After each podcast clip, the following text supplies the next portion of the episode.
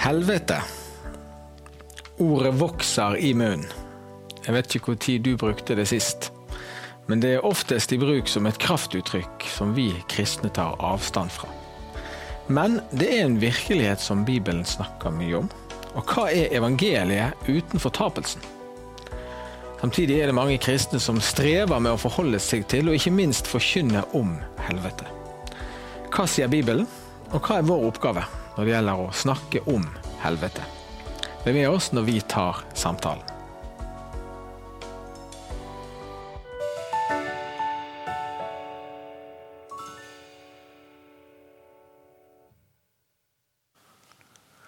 Ja, Da har jeg fått med meg en veldig interessant og kunnskapsrik gjest. Velkommen til oss, Bjørn Hinderaker. Takk, takk. Du jobber på NLA, Norsk lærerakademi, eh, er akademiker og har interessert deg for eh, dette temaet. Men du har også bakgrunn som misjonær barn- og menighetstjeneste, stemmer det? Riktig. Jeg har vært pastor i noen år og har vært uh, misjonær noen få år også ute i Afrika. Hva som gjør at du har interessert deg for dette temaet? Eh, vi, vi, bruker ordet helvete til å begynne med, og så kommer vi inn på det. Mm. Ja, du kan si at um, en har vært opptatt av gjennom oppveksten, også fordi det er sånn et alvorlig spørsmål. Uh, og i diskusjon um, både med kristne og de ut forbi, så er det et spørsmål som er veldig utfordrende. Um, og no, Noe av eh, utfordringen kommer jo fra moderne bilder av hva helvete er for noe. Sant? Dette med djevelens grillparty. Denne, denne populærkulturens som er delvis arven fra middelalderens bilde av eh, helvete, som, som om det var djevelens seier. Djevelens torturkammer. Uh, og det er svært vanskelig å forene med tanken av en god gud. Og dette bildet er jo ikke det. Dette, dette, dette populærkulturens bilde er jo ikke det kristne bildet. Eh, men, men, også det som sies i Bibelen om dette temaet, er også en utfordring for ens tro og tilliten til Guds godhet. Spørsmålet om fortapelsen. Er det virkelig mulig? Kan vi tro på en god Gud? Så jeg tenker det, er et spørsmål som stikker veldig dypt, og som utfordrer oss til å tenke dypt om troen og som utfordrer oss til faktisk å gå tilbake igjen til bibeltekstene og spørre hva, hva sier nå disse her tingene? At ikke vi bare skal nøye oss med populærkulturens eller vanetenkningen om dette. Når eh, vi skal veldig grovt forenkle sånn som dette har vært forkynt eh, i Norge, så er det sånn at eh, livet har to utganger. Himmel mm. eller helvete. Mm. De som tar imot Jesus, de kommer til himmelen. De som ikke gjør det, de kommer til helvete. Der er det evig pine, evig smerte. I himmelen er det evig glede og evig fred. Hvordan vil du nyansere den forenklingen? Ja, um, Hvis vi går tilbake til hvordan Bibelen snakker om dette, så snakker Bibelen faktisk ikke om at vi skal til himmelen. Vi snakker om himmelen kommer til jorden. Gud skal en gang skape en ny himmel og ny jord. Så denne denne måten å snakke om vår evige skjebne på, selv om det er noe sannhet i det, den kortslutter det store kristne sentrale budskapet om, opp, om oppstandelsen. Det er det som er vårt håp. At en dag, etter vi eh, er døde, har vært hos Kristus, så skal vi få kroppene våre igjen. Og etter den oppstandelsen eh, av gode og onde mennesker, både rettferdige og urettferdige, skal reises opp igjen. Og da skal vi alle stå til regnskap for hva vi har gjort med våre liv. Så oppstandelse, en rettferdig dom, og deretter så kommer den nye himmel og den jord hvor Gud skaper en, eh, den fullkomne jord hvor rettferdigheten bor. Det er det større bildet som kortsluttes av disse altfor enkle eh, bildene av at når du dør, så kommer du enten hit eller dit. Det bruker ikke de bibelske beskrivelsene av det kristne håp. Hva er helvete i bibelsk forstand? Hvis vi først står ved ordet helvete Helvete er jo ikke et bibelsk ord. Det er helvittig. Det er straffested for guden Hel, som er en norrøn skikkelse. Eh, så selve begrepet er jo ikke bibelsk, men man har valgt å bruke et norrønt ord inn i bibelteksten. Og de gangene ordet helvete brukes, oversettes det fra ordet gehenna på gresk, som er gehenom, eller ge benhinom, som betyr Hinnoms dal. Et sted ut forbi Jerusalem. Et fysisk sted ut forbi Jerusalem som på Jesu tid var assosiert Først var søppelplass. så det var stank og ild og forråtnelse der. Det var også assosiert fra gammeltestamentlig tid med avgudsdyrkelse og til og med barneofring. Så det var svært urent og, og, og, og bilde på ondskapen. Og også gjennom profetene så er, er dette blitt satt som et sted der eh, når, når fiendehærene kommer, så skal de kaste de døde inn i denne dalen. Så det var et, et bilde på det ytterste um, elendighet og død og ondskap. Så når Jesus brukte ordet Gehenom, gehenna, så forsto folk at dette var et bilde på et annet sted. Sant? Og det, det, er jo interessant at akkurat det ordet gehenna brukes i Nytestamentet bare av Jesus og hans bror Jakob. Sant? Som begge er folk fra, eh, fra dette området, fra Israel, som kjenner stedet. Når Paulus snakker om dette, så bruker han andre begrep. Han bruker ordet fortapelse og mange andre bilder. Men selve, selve helvete refererer til en konkret sted utover Jerusalem, som da ble symbol på det ytterste død, som Bibelen også snakker om. Men helvete, Gehenna, når man på et eller annet tidspunkt befinner seg i fortapelsen, mm. Hva er det for et sted? Hvor mye av det Bibelen sier om ild og, mm. og, disse tingene her er symbolikk, og hvor mye skal vi forstå bokstavelig? Eh, det er svært viktig å forstå hvordan Bibelen bruker begrepene her. Det er ikke veldig opptatt av nøyaktig konkrete ting. Sant? Og disse bildene som brukes, eh, som Jesus bruker med, med 'ormen skal ikke dø' og 'ilden skal ikke slukkes', det er jo helt klart bilder som Altså, Hvis det brenner, så, ikke, så kan ikke ormene leve der. Den, den, brukes som metafor for den ytterste elendighet og forråtnelse og død. Sant? Og ild og mørke er heller ikke også Dette er metaforer for den ytterste død. Og det å være borte fra Gud, det å være utenfor, utenfor der hvor festen skal være Alle disse her er bilder på Guds ytterste dom. Eh, og som, som, jo er bilder. Sant? Og når vi snakker eh, når vi, sant, eh, og, og, og, Sånn sett så er jo ikke den ytterste død, eller den andre død, er enda ikke iverksatt. For den skal jo først skje etter oppstandelsen og dommen. Så skal den andre død bli aktuell. Og da skal også døden kastes i ildsjøen, som det står om. Det er falske profet osv. Eh, og dette er jo helt klart også bilder. Men at det er svært alvorlig virkelighet, det er jo helt klart når Jesus snakker såpass mye om fortapelsen og fortapelsens mulighet og advarer mot den. sant? Og, og, Paulus også snakker helt klart om de to utgangene av livet. og Vår utfordring å velge riktig.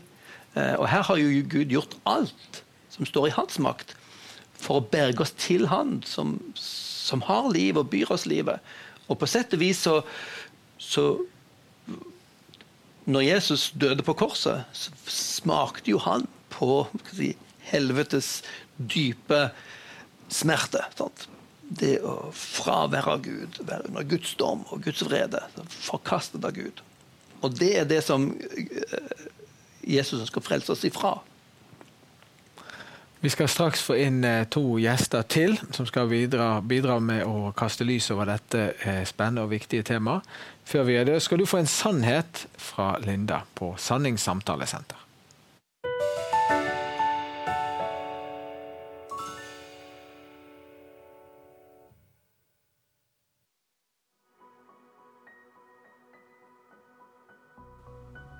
Bibelen er tydelig på livets to utganger. Og vi som har tatt imot Jesus, vi vet at dette er en realitet. Vi leser i Bibelen at synden har dramatiske konsekvenser. Så står det så fint i klagesangene. Herrens miskunn er at det ikke er forbi med oss. Hans barmhjertighet har ennå ikke tatt slutt. Guds barmhjertighet strekker seg over alle mennesker. Hans barmhjertighet er betingelsesløs. Den går heldigvis ikke etter vår fortjeneste.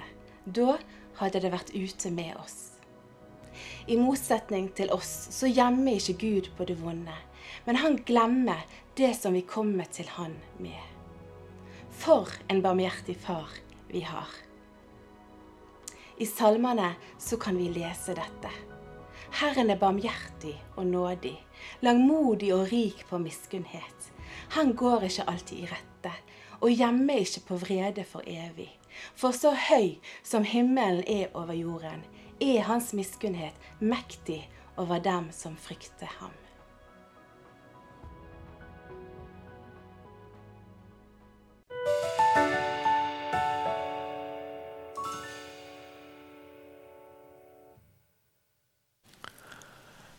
Vi har fått inn to gjester til. Eh, per Ove Berg, pastor i Kredokirken, engasjert i misjon. Velkommen til deg.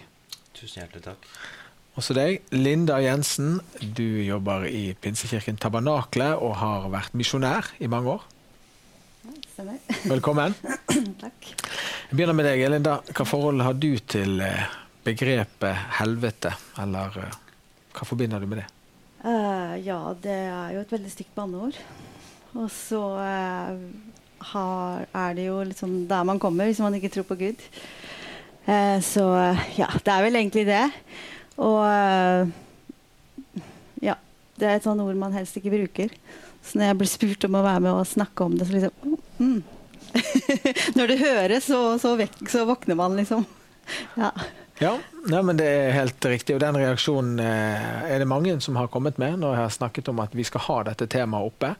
Da skvetter folk til. Hva sier det, Per Ove, om vårt forhold til det?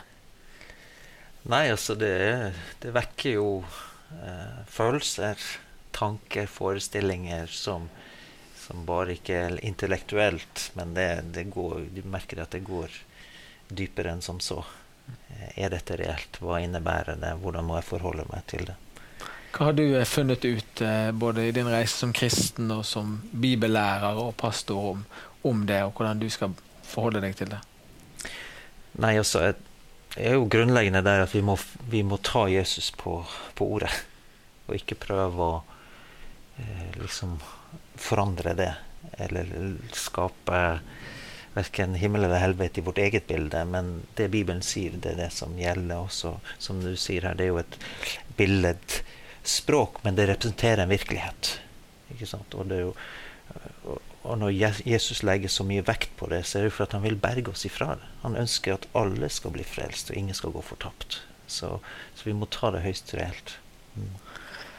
Dette er jo noe som det har vært forkynt mer og mindre av i perioder. Eh, du Linda eh, vokste opp på 70-80-tallet. Eh, hvordan ble dette forkynt i de sammenhengene som du kan huske?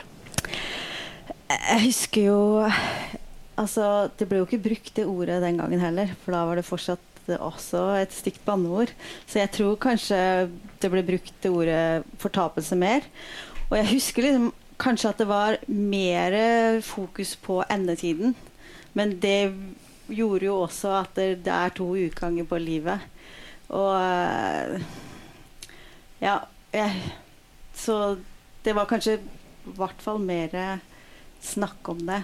I og med at det var Jeg husker veldig mye sånn endetidstaler.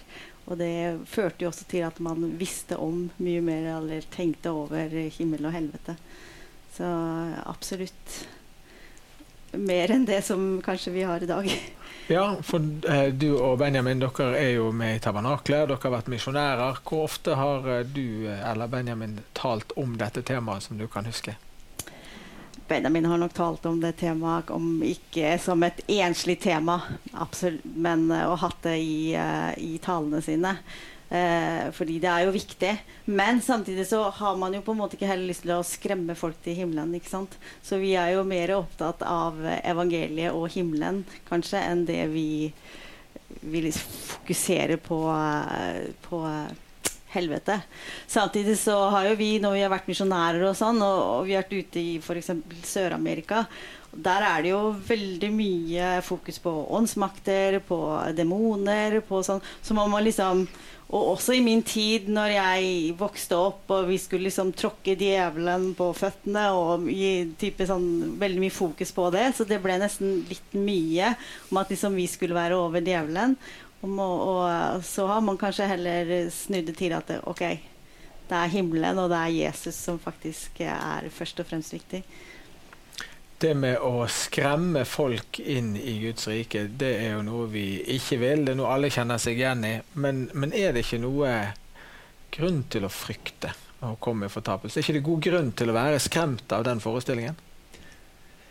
Jeg vil jo tenke da Det er viktig å vite hva man blir skremt av. sånn at det som, det som, det som skremmer, er det reelle. og At ikke det, at ikke det bare f.eks. disse middelalderske bildene av torturkamre som er det som skremmer oss. For, for, det vi burde frykte, er jo Gud. Altså, at han som holder livet i sin hånd, livet og døden og alt som ikke er kobla til Gud, ender jo egentlig i død. Sant? Og ulykke og tragedie og sorg. Sant? Gud er kilden til alt liv og glede. Så, så uh, livets alvor, at det er en virkelighet der, tenker jeg er kjempeviktig. Og så tenker jeg det, det er lurt å være klok i bruken av det bibelske, sant? bibelske materialet her. Og være klar over at ja, det er bildespråk, men det refererer til noe som er virkelig, og som er, som er alvorlig. Men poenget er jo at Gud, Gud har jo eh, gitt oss en vei. Han selv er jo den eneste veien her. Og det er det som er liksom alvoret her, at han inviterer oss til seg. Men han lar oss få gjøre valget. Gud vil ikke tvinge seg inn på oss. Og det er jo nesten en underlig ting hvordan Gud lar oss få lov å velge han vekk. Og det er jo da den ytterste død, den ytterste ulykke. Kjenner du deg igjen i dette med at eh, vi skal ikke skremme folk med helvete?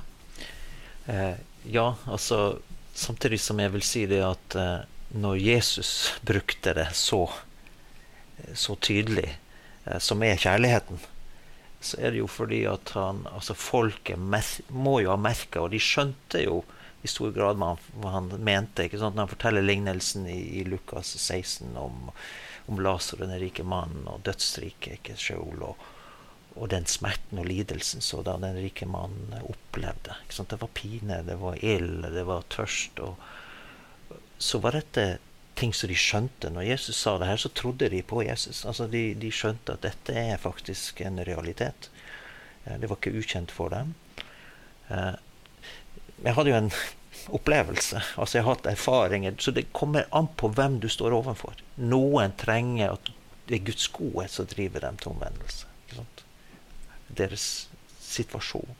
En annen gang så husker jeg det var en eh, faktisk en, en ung mann som, som spottet da.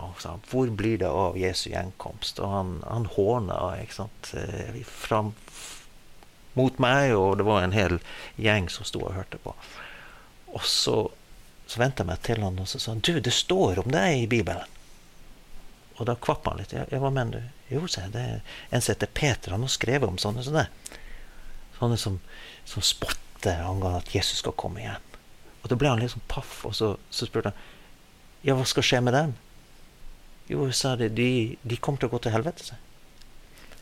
Og da ble han spak. Neste dag så kom han og ville vite mer. Hva, hva, er det egentlig som står i Bibelen om dette? Så noen vil faktisk reagere med å omvende seg på grunnlag av dette budskapet. Så det, det er ikke noe fasitsvar på det. Vi må bare se at Jesus har mange inngangsdører til menneskets hjerter. Og det, så noen vil faktisk reagere positivt på dette. Mm. Jeg hørte en, en, en podkast eh, her forleden dag, og det var en som sa det at 15% av Jesu forkynnelse handlet om helvete. Og Jeg kan ikke gå god for den beregningen, men det var en troverdig fyr. Eh, vi snakker jo mindre om det enn det. Eh, så det er jo i hvert mm. fall en dissonans her mellom hvor opptatt Bibelen er av det, og hvor opptatt vi er det. Kjenner du igjen i det?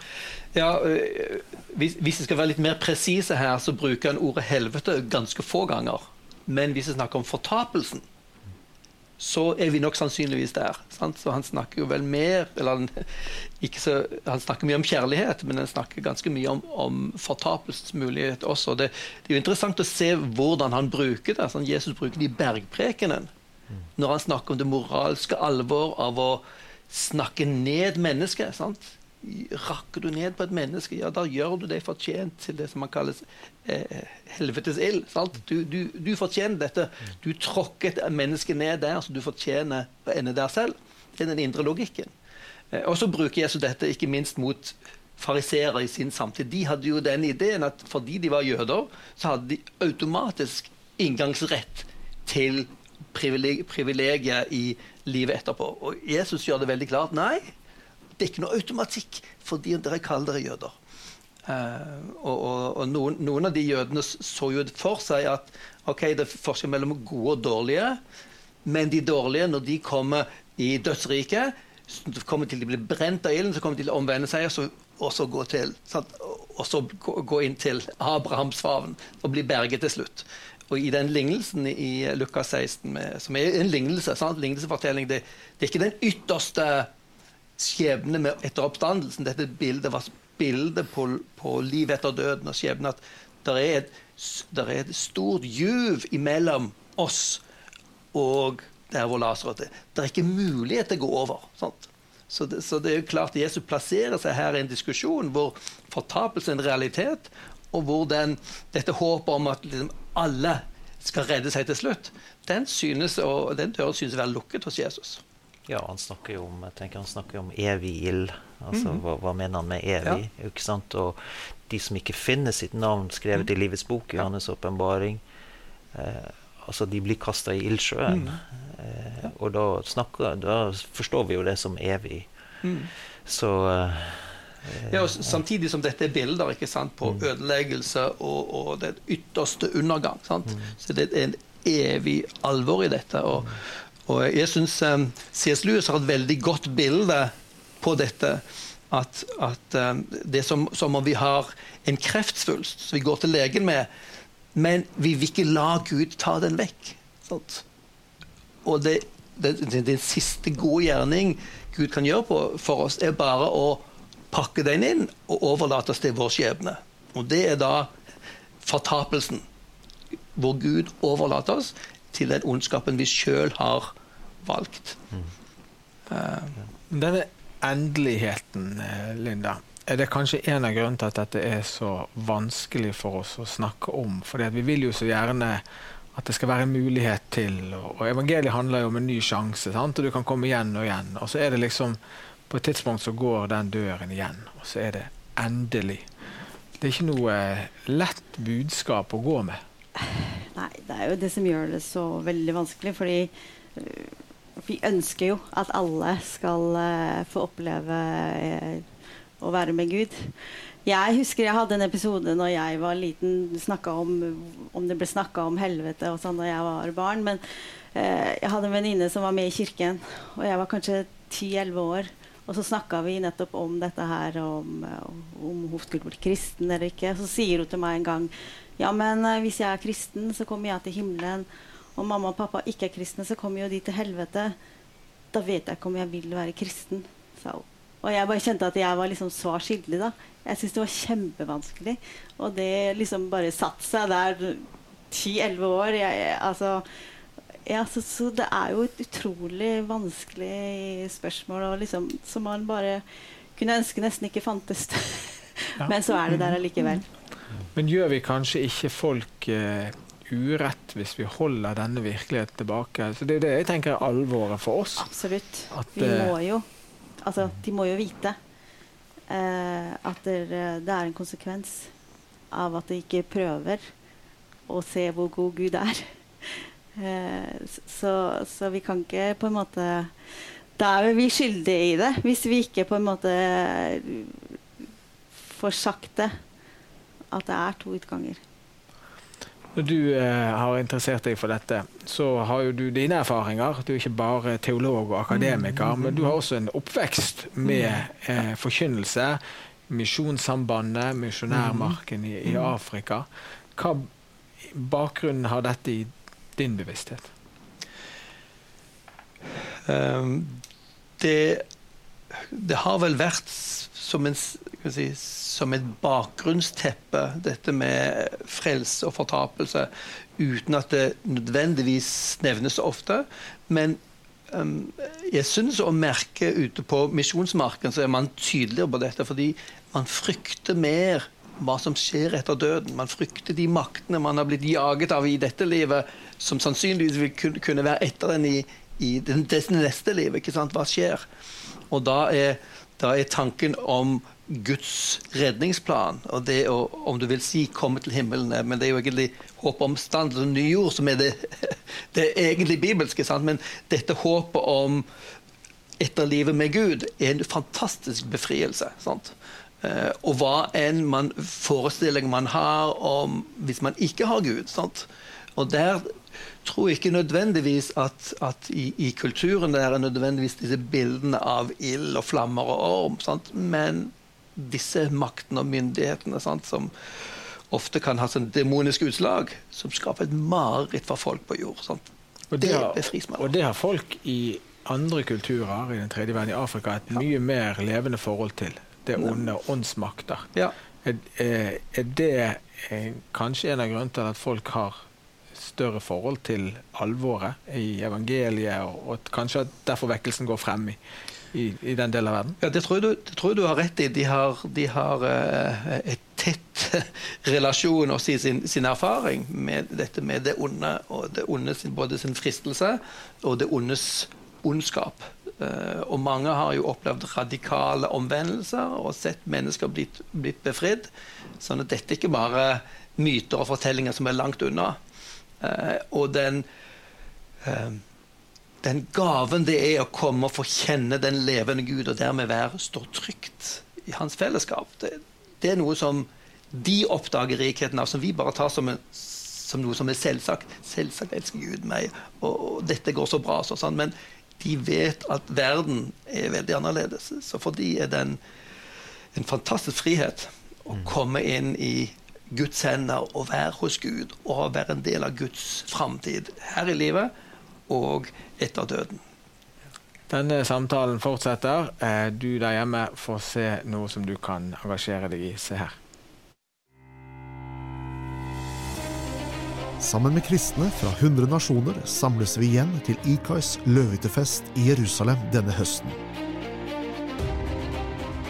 Dette blir en opplevelse for livet hvor vi hyller kongenes konge i hans egen by, og viser jødene at de har kristne venner over hele verden. Marius Svigart med team blir med og leder lovsangen i Jerusalem.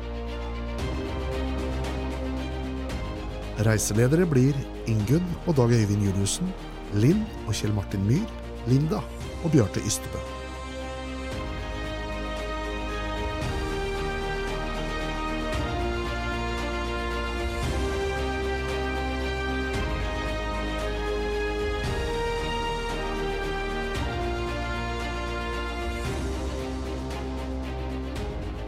Følg med fremover på ikai.no for informasjon og påmelding.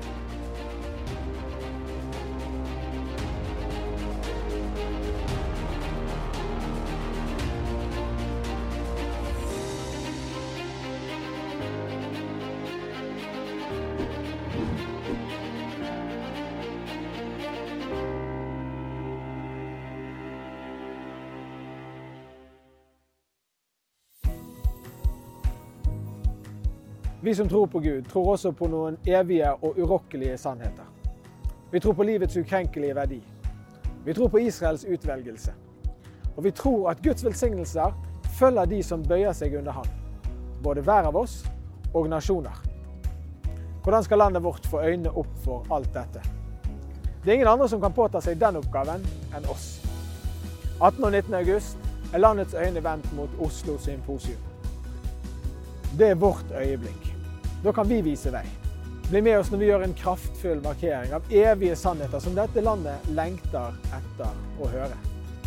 Du finner alt du trenger å vite på oslosymposium.no, eller ved å ringe til oss på 5510 1000.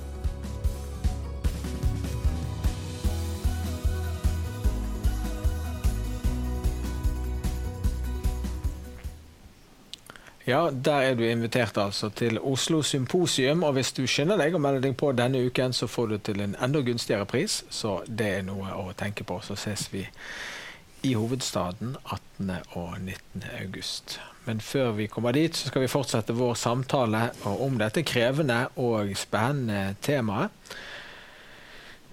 Du, Per Ove, reiser på steder der de færreste av oss ville våge å ferdes, i eh, krigsområder. Eh, og, og, da får dette livets alvor en større nærhet til livet. Hva, hvilke tanker gjør du deg om dette når du har vært og er på Nei, sånne altså, steder? Jeg tenker på det vi, Som Bjørn nevnte her, altså, det, det, er noe med når mennesker opplever en ekstrem ondskap. Eh, dette er virkelig. altså Det skjer foran mine øyne. Og da snakker vi om IS, ja. IS eksempel, som mm. mennesker. Uh, du snakker nå, jeg var nettopp i Ukraina, ikke sant, ved frontlinjene der. Og, og, hva disse soldatene opplever av ondskap. Og de har det helt innpå seg. De vet at de, om et minutt kan jeg være død. Og da blir livet og det som skjer etterpå, veldig aktuelt. Og da merker jeg også at de, de er veldig mottagelige for trøst og for sannhet, for oppmuntring, eh, for kjærlighet. Og de, de, kjenner på denne herre eh, 'Jeg kan dø når tid som helst. Hva skjer?' Da, da, er det å komme med Jesus sitt eh, gode budskap om at 'jeg har dødd på korset for deg', og at du eh, det var, det var, så høyt Gud, vår far, elsker oss, at han sendte sin sønn den eneste. For at vi ikke skal gå fortapt. For at vi ikke skal gå fortapt. Men, men er, vi er nødt til å gi respons. Og når mennesker er i den situasjonen, så er det Hvis du forkynner det uten å legge skjul på verken himmel eller helvete, så er det mange som åpner seg opp og gir respons på disse ordene. Og det kan være andre kriser og vanskeligheter som mennesker er i, men det er så det har litt med settingen og situasjonen å gjøre også, hva folk gir respons på. Men, uh, ja. Det er et ordtak som heter at det fins ingen ateister på et styrtende fly. Nei. Altså når, når alvoret innhenter deg, og du vet at nå må jeg på et eller annet tidspunkt eh, eh, over i døden, mm. så blir dette alvoret reelt for alle. Uansett hvilke andre postulater de måtte ha. Mm. Eh, Bjørn, jeg vender tilbake til deg. Eh, dette med eh, du snakker om at Bibelen snakker i bilder, og dette med ild og gehenna og alle de tingene der. Det kan høres ut som, som eh, det ligger under. I hvert fall ligger det en sånn fristelse for oss at det trenger ikke være så ille. Mm -hmm. eh, men kan det ikke like gjerne være sånn at på samme måte som vi ikke kan forstå hvor godt det blir å være i, hos Gud, eh, så kan vi heller ikke forstå hvor vondt det er å være i, borte fra Gud. Altså at, at beskrivelsene og, og de, eh, de populærkulturelle bildene eh, Du kalte det for djevelens grillparty. Mm -hmm. At, at det, det, er verre. Altså, vi kan ikke forstå hvor vondt og vanskelig det er. Er ikke det like gjerne sånn det er? Jeg tror, jeg tror, når vi snakker om, om, hvor ille det er, så dreier det seg også om hva man går glipp av. Sånn, det ene er hva man hvor man er og hva man føler, om det er fysiske smerter eller emosjonelle smerter osv.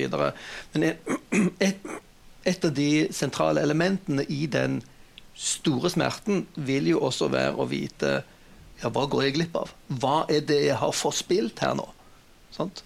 Eh, og hva, hva, har jeg ødelagt? Bevisst da den Det går opp for oss både skammen og skylden som vi har liksom skjøvet vekk i livene våre.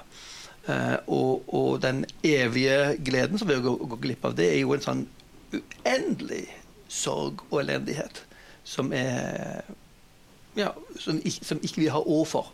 Jo større gaven er det som Gud tilbyr oss, og som vi avviser, jo større elendighet også blir, blir det når vi innser eh, hva vi går glipp av.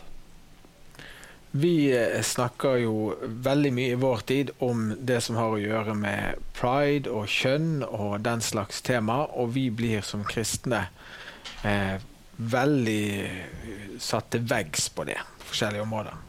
Men det å snakke om livets to utganger, det må jo egentlig være mye mer radikalt. Hva sier du, Linda, eh, enn en det? Altså det at vi har en bibelsk lære om livet på denne siden, det, det tror jeg de fleste kan forstå. Men tenk om folk forsto rekkevidden av hva vi egentlig forkynner om dette. Ja, det er jo det som gjør at jeg tror jo veldig mange bare fornekter det. Og kanskje gjør vi det noen ganger òg, eller vi mhm. liksom bare eh, Og folk trenger jo ikke forholde seg til, til, det. Hvis de da ikke er sånn som dere snakka om, plutselig ut, i krig, og, og, liksom merker de mørke kreftene og finner ut at OK, kanskje er det noe mer her. Eh, så, så vi, vi, har jo veldig lyst Så det er jo mye mer alvorlig. Det er jo veldig alvorlig. Eh, og at ikke Altså som et sånn opprørsk barn. Verden er i opprør. Vi, vi, vil ikke høre på Gud, på en måte, men da får det konsekvenser også. Og det er akkurat som vi foreldre noen ganger må si fra om at det vil komme konsekvenser, så er jo det også hvis man ikke ønsker å ha oppleve en Gud der. Men han er jo god. Han vil jo bare det beste for oss. Så absolutt et tema vi burde bare bruke mye mer tid og innsats på. Mange sier at uh, de tror ikke at det kan finnes et helvete, eller de tror ikke på at Gud vil sende noen dit, uh, fordi at uh, de tror på en god Gud. Hjelp oss å sortere i dette her, Bjørn. Gud sender oss dit, han er en god Gud. hva er egentlig realiteten rundt dette? Ja, da er det jo veldig nyttig at vi holder oss til den bibelske termologien. sant? Eh, og det, no, Noe av det bibelske språket er jo å bli kastet i, det, i ildsjøen. sant? Der skal døden kastes, der skal den falske profeten kastes. ikke sant? Eh, og de onde, onde, maktene. Så det, det er, er, Noe av språkbrøken er å bli kastet. sant? Eh, andre ganger så er det snakk om å være utenfor. Mens det ser ut som også det, når Bibelen snakker om det, så er det jo fordi det er vi sjøl som holder Gud vekke. Og vi må, vi må, ta konsekvensen av dette. Og, og livet vårt er alvorlig. sant? Eh, vi eh, bedrar oss sjøl når vi later som om vi har kontrollen og dette går bra. sant? Du kan sitte i et fly eller sitte i en bil eller sitte med en helse og bare fornekte sant? alle de tingene som egentlig skjer i bakgrunnen. Sånn at denne, denne, realiteten er egentlig noe vi trenger å våkne opp til. At Gud finnes virkelig. Og hvis Gud finnes og er god, da har vi et kjempeproblem. Fordi vi er ikke gode. Sant? Eh, så jeg tenker, tenker, at vi trenger å gjenoppdage realiteten, at Gud faktisk finnes her. Hvis han finnes og er så fullkomment god som Bibelen forteller, så er det utfordring for hver og en av oss. Ikke bare for de der ute, sant? men fordi, fordi Gud er hellig, så tåler han ikke ondskapen som vi vet er hos noen av oss. Og det våkner opp den realiteten her og nå, at Guds eh, på sett og vis, Guds hellighet brenner i oss. Og det skulle gjøre i oss kristne til å eh, våkne opp og vende om daglig. Det snakker om sånn, Vende oss bort ifra verden, synden, djevelen, de tingene som drar oss, og vende oss til Gud. Uh, og det er noe som trenger å skje daglig. så Dermed så er jo på sett og vis Guds hellighet og dommedag aktiv i vår hverdag. Vi, vi lever dette i hverdagen. Uh, vi er kalt til å leve i omvendelse til en hellig Gud, uh, og som dømmer synd. Så vi går inn under den dommen, og så har vi lovt, blitt lovt at Gud bærer den skylden for dette, som er helt reell. Hvis Gud er rettferdig, hvis Gud er hellig, så må han gjøre noe med det. Der sa du ordet dommedag. Mm. Der har du et annet begrep. Jeg har hørt deg forklare dette veldig fint tidligere. Hva er dommedag for noe? Eller dommens dag? Igjen så bruker du ordet dommedag som en sånn bare nå bruker ordet apokalypse om det samme. Da. Det er undergang. Dommedag er undergang. Eh, mens i Bibelens språkbruk så er det jo rettferdighetens dag. Endelig skal det skje rettferdighet. Og vi har også et bilde av dommedag der det liksom store masser som bare en masse blir sendt inn i fortapelsen. Men det som Bibelen forteller, er at hver og en av oss skal stå til regnskap for hva vi har gjort. Ikke hva andre har gjort. Det blir individuell behandling. fullkommen rettferdighet, og det er gradert. Det, Gud behandler folk forskjellig ut fra hva de hadde kunnet vite. Det finner vi stadig igjen. Uvitenhetens tid. Det, du kunne vite, det holder ikke Gud det regnskap for. Men hva du har kunnet vite, det vil du holdes til regnskap for. Så den eh, dommedag er det eneste um, eh, eneste grunnen vi har for å tro at Gud tar et oppgjør med det onde, og at hans videre framtid da blir fri for det onde.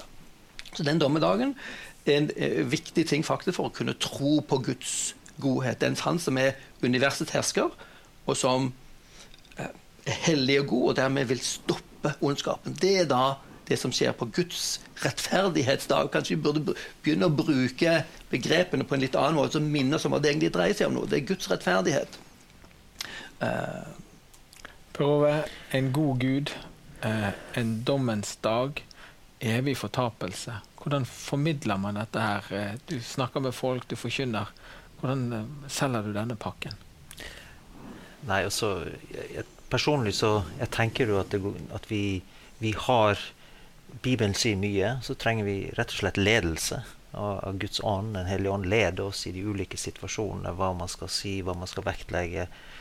Fordi at uh, vi er der for å, å tjene folket og, og, betjene dem. Og selvfølgelig advare. Bibelen også har også du må advare mennesker. Det er jo egentlig det Jesus gjør. Han advarer dem. Og jeg tenker at hvis hvis jeg kjører på en vei og det er et stup, eh, en bro har kollapsa litt lenger frem, så vil jeg vite det. Vær så snill, fortell meg det. Ikke vent til jeg har kjørt utfor, for da er det for seint. Så vi har et ansvar som kristne å advare folk.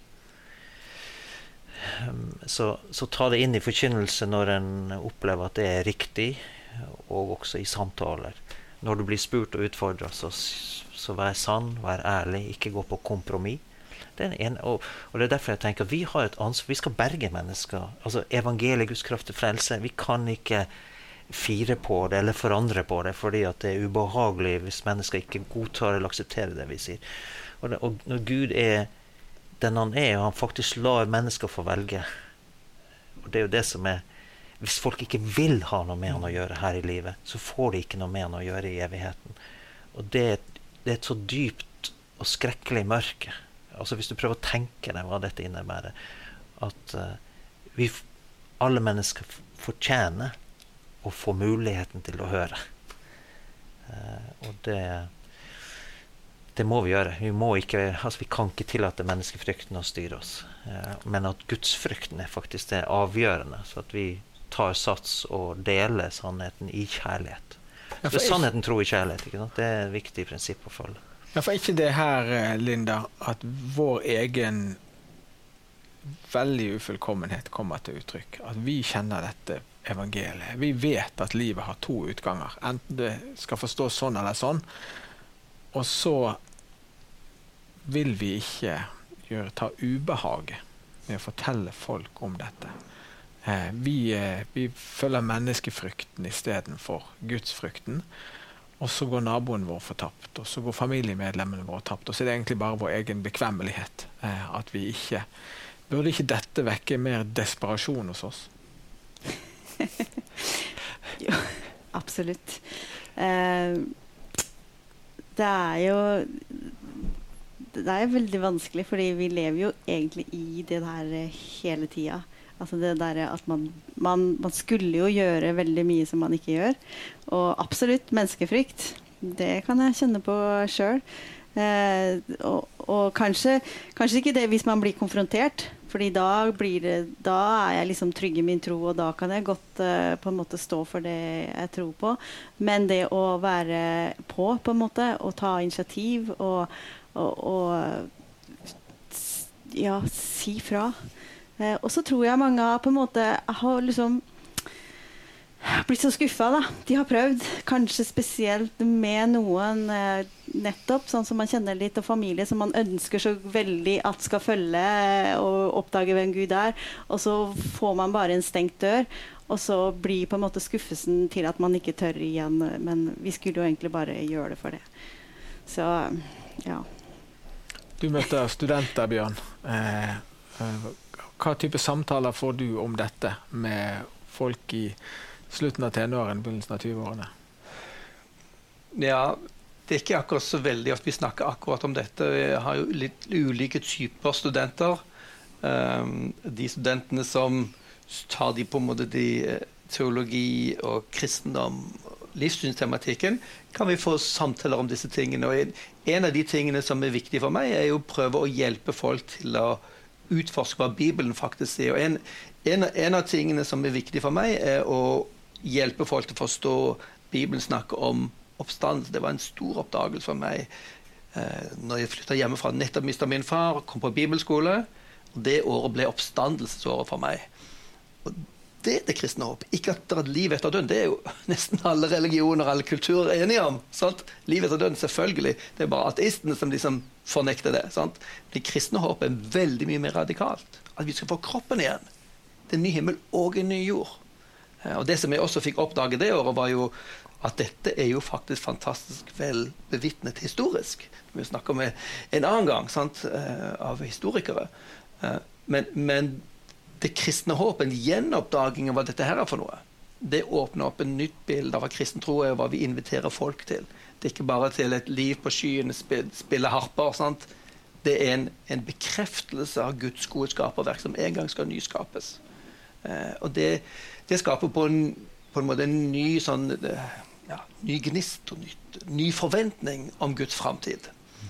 Eh, og så er jo også fortapelsen realitet en, en, mulighet, selv om det er ofte litt mer sånn i bakgrunnen. Per Ove, 30 sekunder. Vi har aktivert en samtale som kan uh, skape alle slags følelser hos folk der hjemme. Uh, hva er ditt ord til de som syns at dette er vanskelig? Et halvt minutt.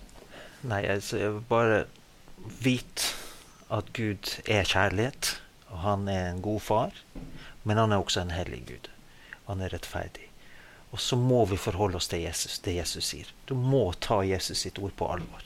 Ikke sorter ut og velg bort fordi at det, det passer ikke. Ta det på alvor, ta det inn, og lev etter det.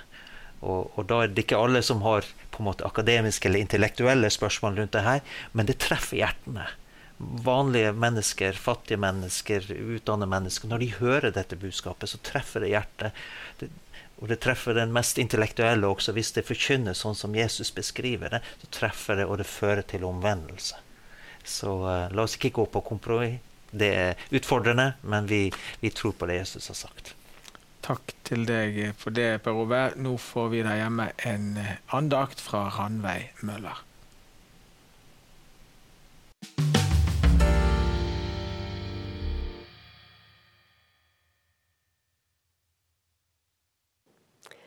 Har du en postkasse? Tenk hvis ditt postbud skulle begynne å vurdere posten du fikk. Skal vi se, her er det et magasin som han får hver gang i måneden. Det blir bra, det blir han glad for.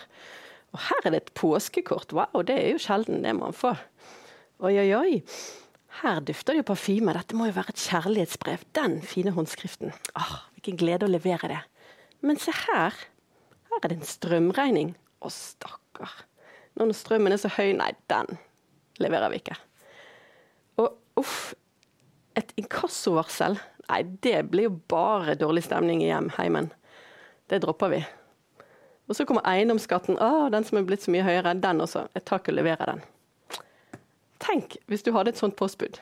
Du ville ikke blitt særlig glad for det. He? Kanskje på kort sikt, men på lang sikt så ville jo det vært en katastrofe. Det ville jo virkelig gitt deg trøbbel siden. Nei, et sånt postbud vil vi ikke ha.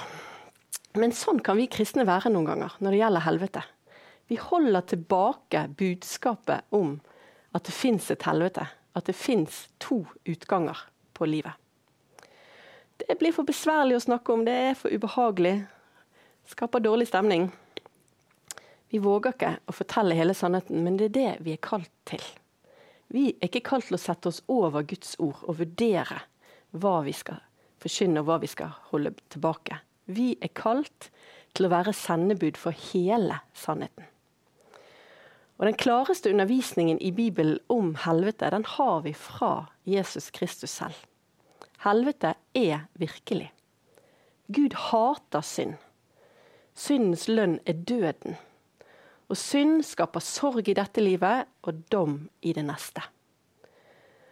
Og om vi bare ante konsekvensene, så ville vi gjerne ha syndet mindre.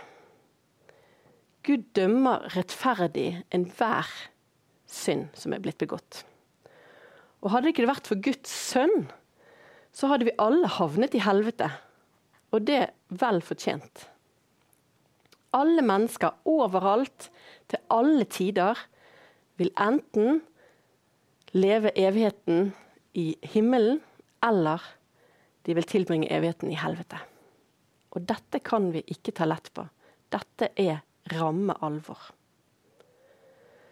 Så er det heldigvis slik at sammen med denne sannheten om helvete, så kommer de gode nyhetene, evangeliet om at én har tatt på seg helvete for at du og jeg skal slippe. Og Jesus han erfarte helvete på korset. Han opplevde alle helvetes dimensjoner der på korset.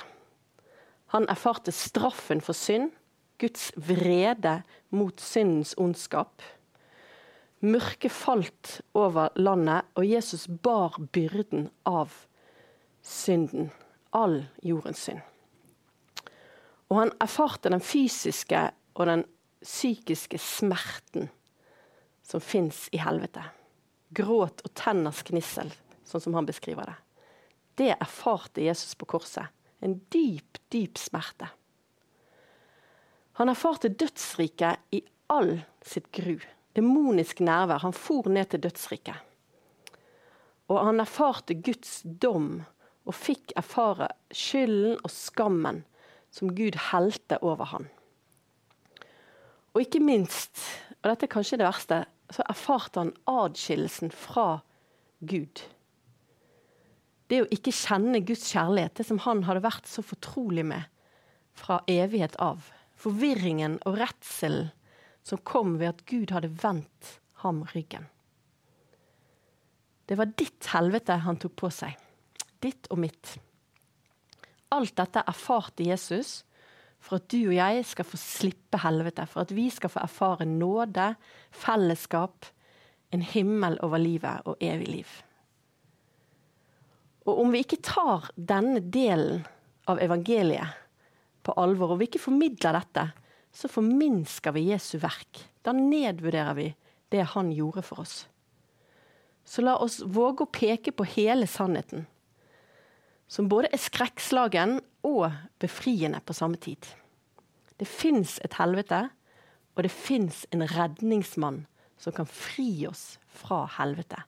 Det er Jesus Kristus. Amen.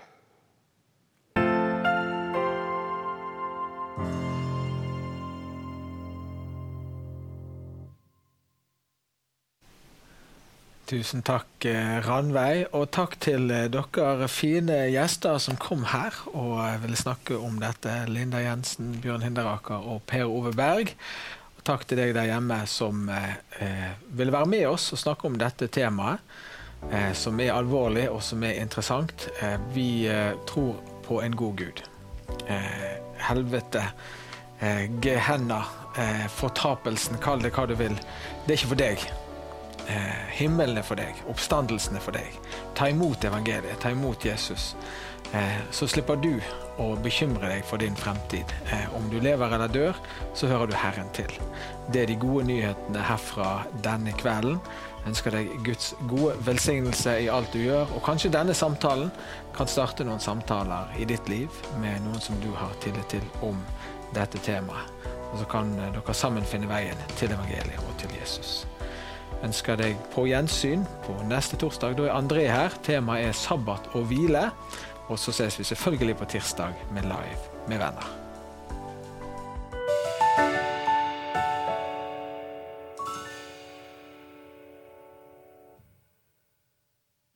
Noen ganger handler samtalen om ting som kommer nært inn på livet, og som kanskje berører deg og ditt liv.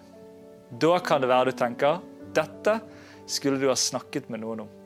Det finnes heldigvis noen som kan hjelpe deg, og her kommer en liste med trygge kristne samtaletjenester rundt om i landet, som gjerne tar imot deg og ditt behov.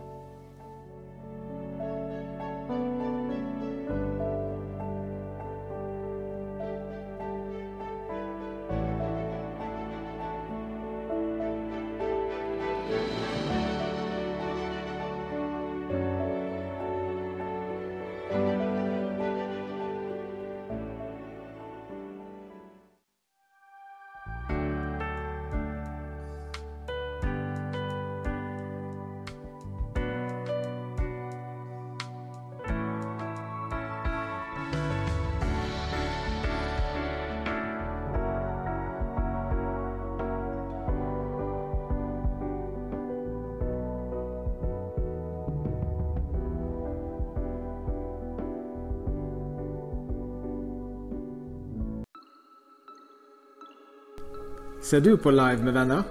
Det burde du. Da får du servert en time med god stemning og interessante temaer om samfunns- og menighetsliv. Og ikke minst trosstyrkede refleksjoner fra Bibelen. Det hører også med. Du er så velkommen til å henge med oss på tirsdager klokken ti. Live med venner sendes på Facebook, på Kanal 10 og på Bedehuskanalen. Da ses vi på tirsdagene.